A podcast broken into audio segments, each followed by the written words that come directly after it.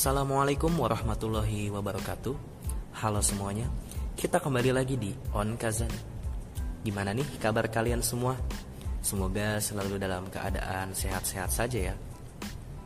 Kalau dengar suara saya Kalian harusnya udah pada kenal kan sama saya. Yap, saya Raihan Dimas Host kesayangan kalian di On Kazani. Mungkin ada yang belum tahu nih Apa sih On Kazani itu? Jadi, On Kazani merupakan salah satu program kerja divisi syiar CSI FEB UIN Jakarta yang diselenggarakan dalam dua bentuk, yakni kajian dan media platform podcast.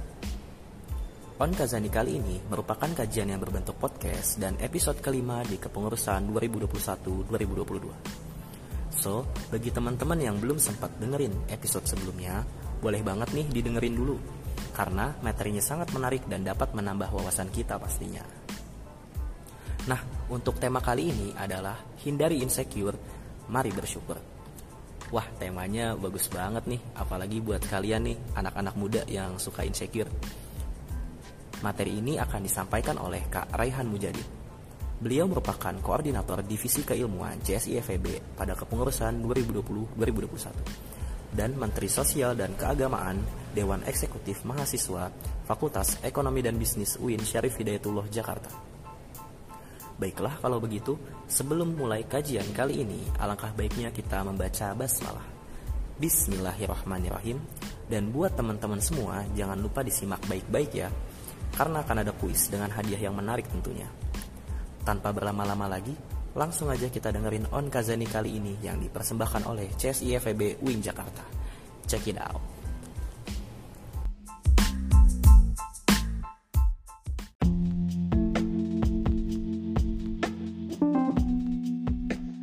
Bismillahirrahmanirrahim. Assalamualaikum warahmatullahi wabarakatuh. Alhamdulillah, semua Alhamdulillah Wa pada zalik Alhamdulillah. Assalatu rasulillah La hawla wa la quwata illa billah. Rabbi sahri sadri wa yassir li amri wa hlul uqdatam bil lisani yafqahu qawli. Amma ba'du. Pertama-tama dan yang paling utama marilah kita panjatkan puji serta syukur kita kehadirat Allah Subhanahu wa taala yang telah memberikan nikmat dan karunia-Nya sehingga kita bisa terus mendengarkan dan menyimak konten demi konten kebaikan yang ada di On Kazani. Yang tanpa terasa kita sudah beranjak ke episode yang kelima nih teman-teman dengan tema hindari insecure, mari bersyukur. Bersama saya Raihan Jadid. Sobat Kazani, pernah nggak sih kita berada dalam posisi di mana kita merasa khawatir akan sesuatu, kita bingung mau ngapain, dan kita nggak punya arah tujuan, kayak kita mau ke mana ke depannya, next step kita bakal ngapain, dan kehidupan kita ini diliputi dengan rasa ketidakpastian gitu, kayak ah ini gimana nih uh, ke depannya gitu, apakah kita lanjut kerja atau lanjut S2 gitu buat yang mahasiswa atau mungkin hal-hal lainnya lah. Entah itu berupa kepastian finansial kepastian hubungan ataupun lain sebagainya. Dan kita nggak punya gambaran lah ke depannya bakal gimana. Entah hari yang kita jalanin bakal sama bakal template kopas aja dari yang hari kemarin atau ada perubahan atau ya bahkan lebih buruk lagi. Ketika teman-teman sudah merasakan hal seperti itu ya welcome to quarter life crisis ya bicara quarter life crisis nampaknya cukup menarik ya dan Nampaknya dalam tema kita kali ini terkait insecure kita bakal banyak menyinggung terkait dengan quarter life crisis karena pada dasarnya insecure itu merupakan bagian dari uh, fase-fase quarter life crisis yang dirasakan uh, most people maybe. Dan apa sih yang menyebabkan hal tersebut? Nah, quarter life crisis ini uh, bisa ditandai dari kayak kecemasan berlebih, khawatir, pesimis, tadi insecure, cemas, dan kayak banyak pressure yang kita rasakan. Dan itu depend ya tergantung dengan uh, aktivitas yang kita rasakan perasaan hingga tingkat depresinya. Nah quarter life crisis itu uh, mostly disebabkan karena adanya uh, runtutan yang dialami gitu. Dinamika kehidupan memang gitu kadang naik kadang turun. Dan di fase terendah itu uh, biasanya kebanyakan orang ketika beranjak dewasa di usia dewasa awal itu merasakan hal-hal yang demikian. Karena bagaimanapun juga kita bakal terus berpikir lah berkembang pemikiran kita terkait dengan uh, kita bakal ngapain ke depannya kita punya visi apa ke depannya. Setelah kuliah kita ngapain setelah sarjana ngapain setelah kerja apa tujuan kita gitu. Entah mungkin ada yang setelah wisuda mau nikah ada yang mau kerja ada yang mau lanjut pendidikan lagi dan lain sebagainya. Itu muncul dilema dan dinamika pemikiran yang membuat kita uh, terus berpikir, khawatir, overthinking dan menyebabkan fase quarter life crisis ini menjadi uh, hal yang membuat kita under pressure, membuat kita uh, overthinking sehingga kita uh, jadi down dan lain sebagainya, nggak pede dan ya well ini dirasakan oleh banyak orang dari kita. Nah, kemudian uh, terkait insecure sendiri ya uh, di mana mungkin sebagian dari kita uh, muncul pemikiran dan rasa yang entah terbesit sadar atau tidak sadar kita kayak nggak merasa mampu melakukan sesuatu kita nggak pede kita cemas akan hasilnya ini bakal gimana gitu. Dan ya itu mungkin tiap-tiap uh, fase punyalah dinamikanya. Entah teman-teman yang masih sekolah yang masih kuliah mungkin dalam ujiannya entah ujian praktek UTS UAS ya teman-teman khawatir cemas gitu akan hasil. Teman-teman ketika belajar malu untuk bertanya malu untuk show up dan lain sebagainya. Dan ya teman-teman dari rasa tidak aman gitu kayak wah ujian hasilnya bakal gimana ya dan sebagainya.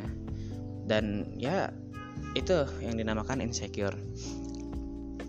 Dan kadang ketika coba kita kaji lebih dalam ya kita coba fokus ke runut kajian insecure itu sendiri uh, hal yang mengakibatkan kita uh, punya pandangan seperti itu ya kebanyakan disebabkan dari mungkin bad experience atau pengalaman buruk yang kita alami.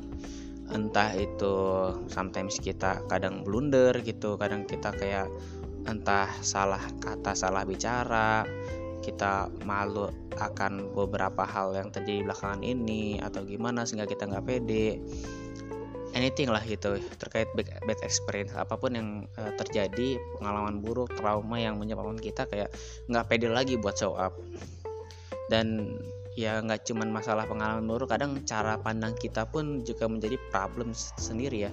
Ketika kita uh, punya sudut pandang yang uh, kayak berbeda gitu kita melihat uh, musibah sebagai bencana sebagai hal-hal yang kayak apes sial dan lain sebagainya ya kita bakal termindset ya pemikiran yang negatif terkait, terkait dengan musibah. Tapi kalau kita coba berpikir oh adanya musibah itu sebagai teguran sebagai uh, bahan muasabah sebagai uh, pelajaran yang perlu kita ambil hikmahnya dan lain sebagainya sehingga kita jangan sampai ke depannya kita mengulangi dan jadi pengalaman yang baik juga buat ke depannya agar nggak blunder lagi. Well itu hal yang luar biasa. Dan ya tadi sa salah satunya sudut pandang atau bagaimana cara kita memandang sesuatu itu bisa mengubah sesuatu. Ketika kita berpandangan yang salah yang sebaliknya maka ya apa pun yang menjadi uh, terjadi pada diri kita ya tergantung dari bagaimana bagaimana cara kita memandang itu. Ataupun uh, yang saja itu memiliki pribadi yang melankolis melankolis atau uh, yang punya sifat perfeksionis kadang uh, kebanyakan orang yang punya sifat perfeksionis itu punya rasa kekhawatiran gitu. Oh ini kayaknya bakal di komen atau gimana. Oh ini kurang rapi kurang bagus atau gimana. Dan pengen terlihat tampil wah gitu. Dan ya kebanyakan mungkin dari beberapa orang ya termasuk yang punya sifat perfeksionis ini ya punya uh, ketika gagal atau bagaimanapun uh, mereka merasa kayak ah gagal dan sebagainya gitu kayak ah ketika di komen dan lain sebagainya wah ini uh, kayak jadi bad experience jadi nggak uh, pengen tampil soal lagi dan lain sebagainya. Ya kurang lebih uh, itulah perfeksionis. Ya mungkin terlihat baik is okay gitu. Tapi ketika kita berlebihan pengen perfect banget tanpa ada cacat ya well kadang nggak baik juga. Karena sesuatu yang baik pun ketika dilakukan secara berlebihan ya tidak akan membuahkan hasil yang gimana gimana gitu. Yang baik pun hati itu yang baik ya itu pun nggak baik kalau berlebihan gitu. Jadi standar lah imbang. Dan ya untuk uh, menangani hal-hal seperti ini seorang bisa belajar untuk membangun uh, self esteemnya sendiri ya. Atau ya mungkin uh, dalam kajian psikologinya ini menggambarkan kayak perasaan subjektif aja seorang ketika seluruh uh, tentang arti dirinya sendiri atau dia bisa menilai diri dia sendiri. Jadi ya uh, poin penting di sini adalah bagaimana seorang atau individu itu uh, menghargai dan menyukai dirinya sendiri gitu terlepas dari banyaknya kondisi yang kita alami. Dan ya well uh, mungkin self reward atau apa pun itu bentuknya itu jadi hal yang sangat penting juga buat kita uh, coba lakukan ketika kita nggak bisa memberi reward sendiri nggak bisa bersyukur nggak bisa uh, menghargai apa yang udah kita usahakan kita nggak bakal bisa selamanya keluar dari lingkaran setan insecure ini. Terlepas apa pun baik buruknya tetap ya ambil hikmahnya ambil positifnya kita belajar. Learning by doing itu bukan hal yang mudah dan lain sebagainya. Dan ya itu self esteem dan ya mungkin konsultasi minta nasihat dengan bestie dengan sahabat teman-teman dekat kita itu juga jadi salah satu uh, hal penting juga untuk uh, mencegah adanya insecure dalam diri kita. Nah, uh, selain itu uh, ada beberapa jenis insecure juga teman-teman yang perlu diketahui. Jadi uh, kalau dalam uh, runtut keilmuannya ini kan masuknya keilmuan dalam ilmu psikologi ya. Tapi ya kita bakal bahas lah karena emang beberapa belak waktu yang lalu ya belakangan ini cukup banyak juga yang memention dan mengkaji hal ini. Uh, belakangan ini mungkin ya dengan eh, tema-tema yang berbeda atau mungkin teman-teman pernah uh, ikut kajian dengan fokus self uh, healing atau lain sebagainya mental health lah ya bahasanya ya. Ya mental health itu beberapa kan pernah ada juga dan ya mungkin nggak jauh-jauh lah bahasan kita dari hal tersebut. Oke uh, lanjut tadi terkait dengan jenis-jenis insecure yang ada ya. Coba kita kaji lagi lebih dalam. Uh, di sini dalam beberapa kajian juga disebutkan bahwasanya kalau kita coba telah lagi banyak uh, pembagiannya termasuk kayak insecure. Yang pertama itu uh, terkait dengan uh, penampilan fisik. Kayak kita nggak pede nih uh, dengan badan kita yang gendut dengan perut yang buncit kulit yang hitam yang sawo matang atau gimana atau ada yang kadang salah juga sih ya putih-putih banget dibilang albino. Atau orang-orang ya kerap kali dapat uh, perlakuan yang buruk lah atau kayak body shaming gitu nah itu yang pertama. Yang kedua terkait dengan hal finansial keuangan ya biasalah kan kadang banyak orang yang suka pamer di medsos atau lain sebagainya. Sebut saja lah flexing lah ya. Kadang bisa juga bikin orang kayak ngeliatnya insecure banget. Oh dia udah mapan udah berpenghasilan dan sebagainya punya aset banding bandingin uh, gaji lu berapa? Masih UMR lah sedikit standar. Oh gue udah dua digit dong ya tanpa kita sadari ya ada juga sebenarnya yang dia misalnya tinggal di Jakarta di Cikarang tapi gaji dia di bawah UMR mungkin ada gitu entah di Bandung atau gimana. Tetap ya kalau di uh, survei juga ada kan ada yang ya dapat gaji di bawah UMR wajar banyak lah gitu. Dan ya itu yang membuat hal-hal yang kayak perbandingan comparing diri kita dengan orang lain itu bukan hal yang bagus juga ternyata ya ya banyak orang yang insecure lah kayak jadi eh, nggak uh, pede lagi khawatir dan sebagainya. Dan yang ketiga insecure dalam hal sosial ya. Atau social insecurity ya mungkin lebih banyaknya orang-orang yang tipe introvert ya.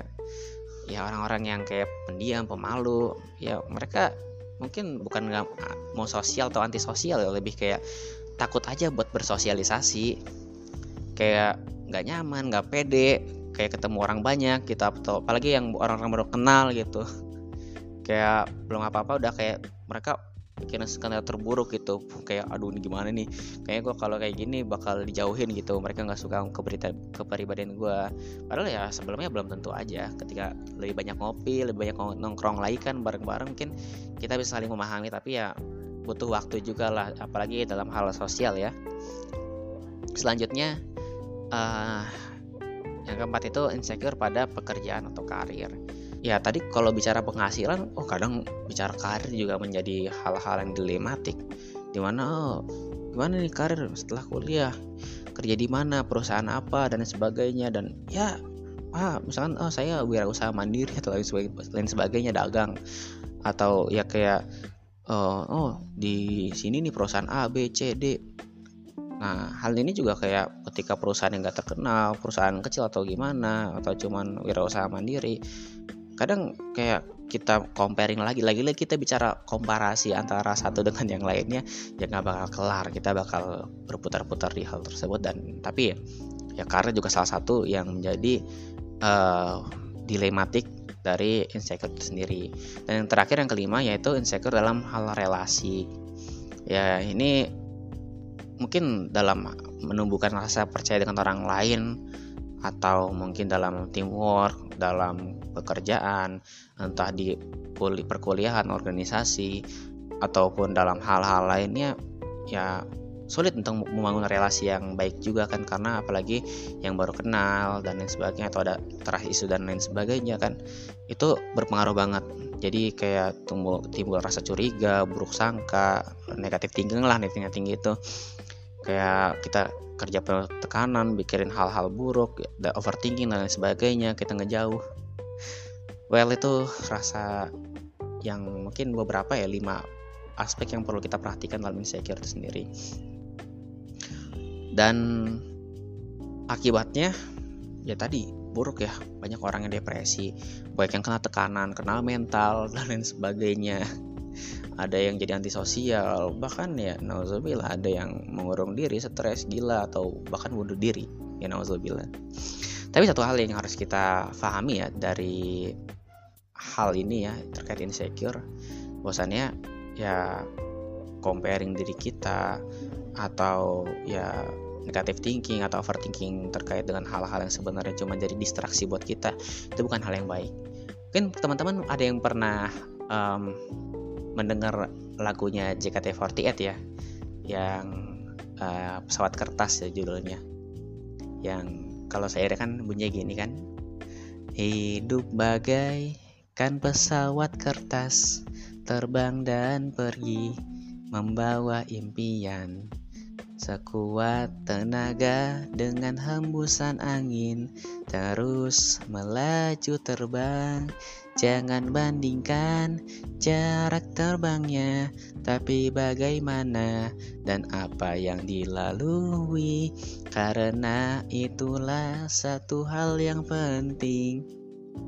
Nah, itu dia teman-teman. Jadi ketika kita mau comparing diri kita dengan orang lain itu bukan hal yang baik dan ya selama kita bakal ada di perputaran roda insecure itu ya kita bakal mutar-mutar terus lah bandingin lagi karir kita. Kita udah punya karir udah kerja kita bandingin penghasilan ya kan? Terus kehidupan kita kita compare lagi kok dia sukses enak gitu punya mobil dan sebagainya. Padahal kita udah punya motor juga gitu kita nggak jalan kaki juga pengen punya motor.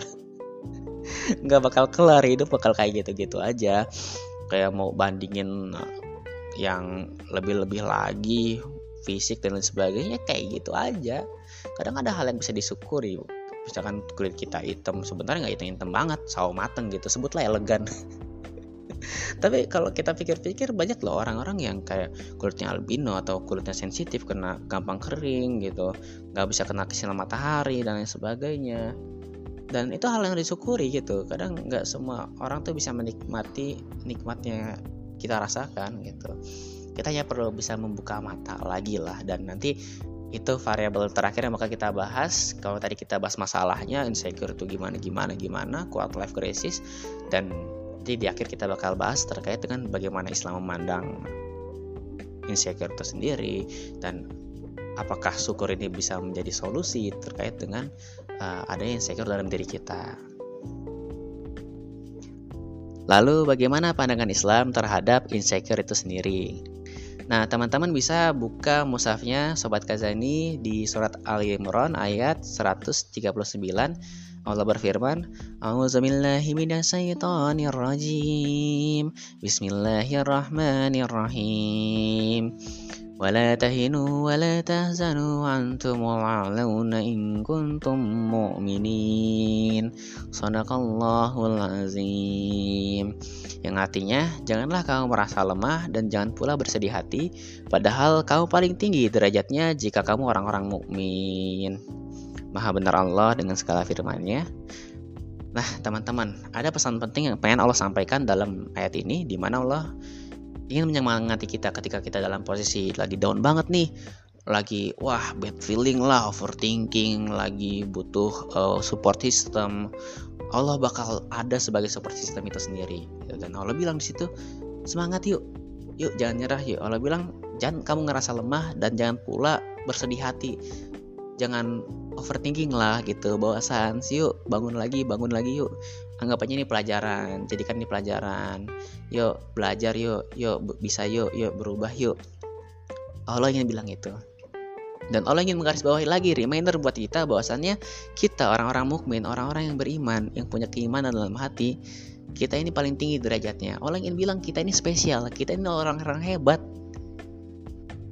Kita ini orang-orang pilihan. Allah ingin bilang itu. Dan menarik juga untuk kita kaji juga kan. Kenapa mukmin yang dijadikan uh, Allah mention yaitu di ayat ini? Karena jujur sebenarnya keimanan keyakinan kita dalam agama itu erat kaitan dengan insecure. Kenapa begitu? Karena ketika kita insecure kita merasa khawatir kita ragu sebenarnya sama Allah kita ragu Allah bakal berikan yang terbaik gitu. Allah bakal ngasih hasil yang terbaik dari usaha kita. Kita ragu Allah dengar doa kita dan lain sebagainya. Maka Allah ingin bilang kita ini orang-orang mukmin jangan sedih gitu. Jangan overthinking dan lain sebagainya. Kita ini orang-orang hebat gitu. Dengan cara kita sendiri dan lain sebagainya. Allah ingin reminder itu. Dan ya yang terakhir mungkin kita bakal bahas juga terkait dengan uh, syukur kan tadi temanya menyikapi insecure dengan bersyukur. Dan syukur ini merupakan salah satu variabel ya atau bahasanya solusi lah jawaban atas rasa insecure atas ya hal-hal yang menjadi fase-fase di quarter life crisis ini. Yang tadi saya bilang bahwasannya kayak bukan cuman kayak penampilan kita bisa kayak masalah penghasilan masalah uh, kerjaan dan lain sebagainya, masalah relasi kita dengan orang lain, hubungan antar manusia itu bisa diselesaikan dengan ya syukur dengan ya kita bermuasabah introspeksi diri gitu. Karena banyak yang di luar sana yang nggak merasa kan apa yang kita rasakan kayak nikmat kok pernah gak sih kayak coba coba deh kita berpikir kita ngelihat orang yang mungkin secara ekonomi mereka di bawah kita ya tapi kehidupan mereka nyaman. Tentram harmonis itu kita yang punya uang banyak kita overthinking capek kerjaan di rumah berantem misalkan dengan istri dan anak dan lain sebagainya. Atau mungkin kita yang belum berkeluarga. Misalkan kayak kok ini orang walaupun sederhana simple kok teman-teman kita kayak nyaman kayak lain sebagainya kayak sans gitu hidupnya gitu kayak why gitu kan? Dan ternyata syukur dan bahasanya menerima realita yang ada dengan lapang dada merupakan solusinya. Di mana coba kita uh, poin pentingnya ketika kita bermuasabah ya kita mengubah tadi ya apa namanya mindset kita cara pandang kita terkait dengan musibah terkait dengan keadaan realitas hidup dan lain sebagainya. Apa pun yang kita alami baik buruknya ketika kita punya cara pandang yang positif kita punya positif vibes nih semuanya bakal terlihat positif Musibah seburuk apa pun bakal kita jadikan pelajaran, hikmah yang bisa kita ambil, pelajaran hidup yang berharga. Itu sebaliknya kalau kita pikir hal-hal yang negatif, oh sial dan lain sebagainya, kita bakal ada di uh, five vibes yang yang lebih ke negatif bukan positif. Seperti itu. Dan setelah kita bermuasabah, berpikir, ya kan, kita kira relate gitu, bahwasannya ternyata ada hal-hal yang kita luput gitu kadang kita terlalu banyak mengeluh gitu. Dan lagi-lagi ya Allah ciptakan mata kita di depan bukan di belakang adalah untuk kita melihat ke depan. Jangan lihat ke belakang apa pun yang terjadi di masa lalu entah itu hal-hal buruk cukup jadikan pelajaran aja dan lain sebagainya. Ya kita boleh melihat masa lalu untuk bermuasabah bukan untuk kita tangisi lagi bukan untuk kita overthinkingin lagi gitu. Allah bilang fokus lihat ke depan. Seperti itu teman-teman dan ya ketika kita bisa bersyukur atas sesuatu atas uh, apa pun yang terjadi kita bisa melampangkan lagi hati kita dada kita agar nggak sesak juga nih uh, napas gitu agar bisa lebih mantap lagi menapaki menapaki kehidupan kita akan bisa mensyukuri apa yang Allah sudah kasih. Kadang kalau kita bicara uh, dengan senior senior kita dengan kakak kelas kita yang udah mungkin udah sarjana udah wisuda di kehidupan kampus mungkin mereka bakal selalu bilang bahwasannya uh, terkait pekerjaan lebih baik kita pusing karena kerjaan daripada pusing nyari kerjaan.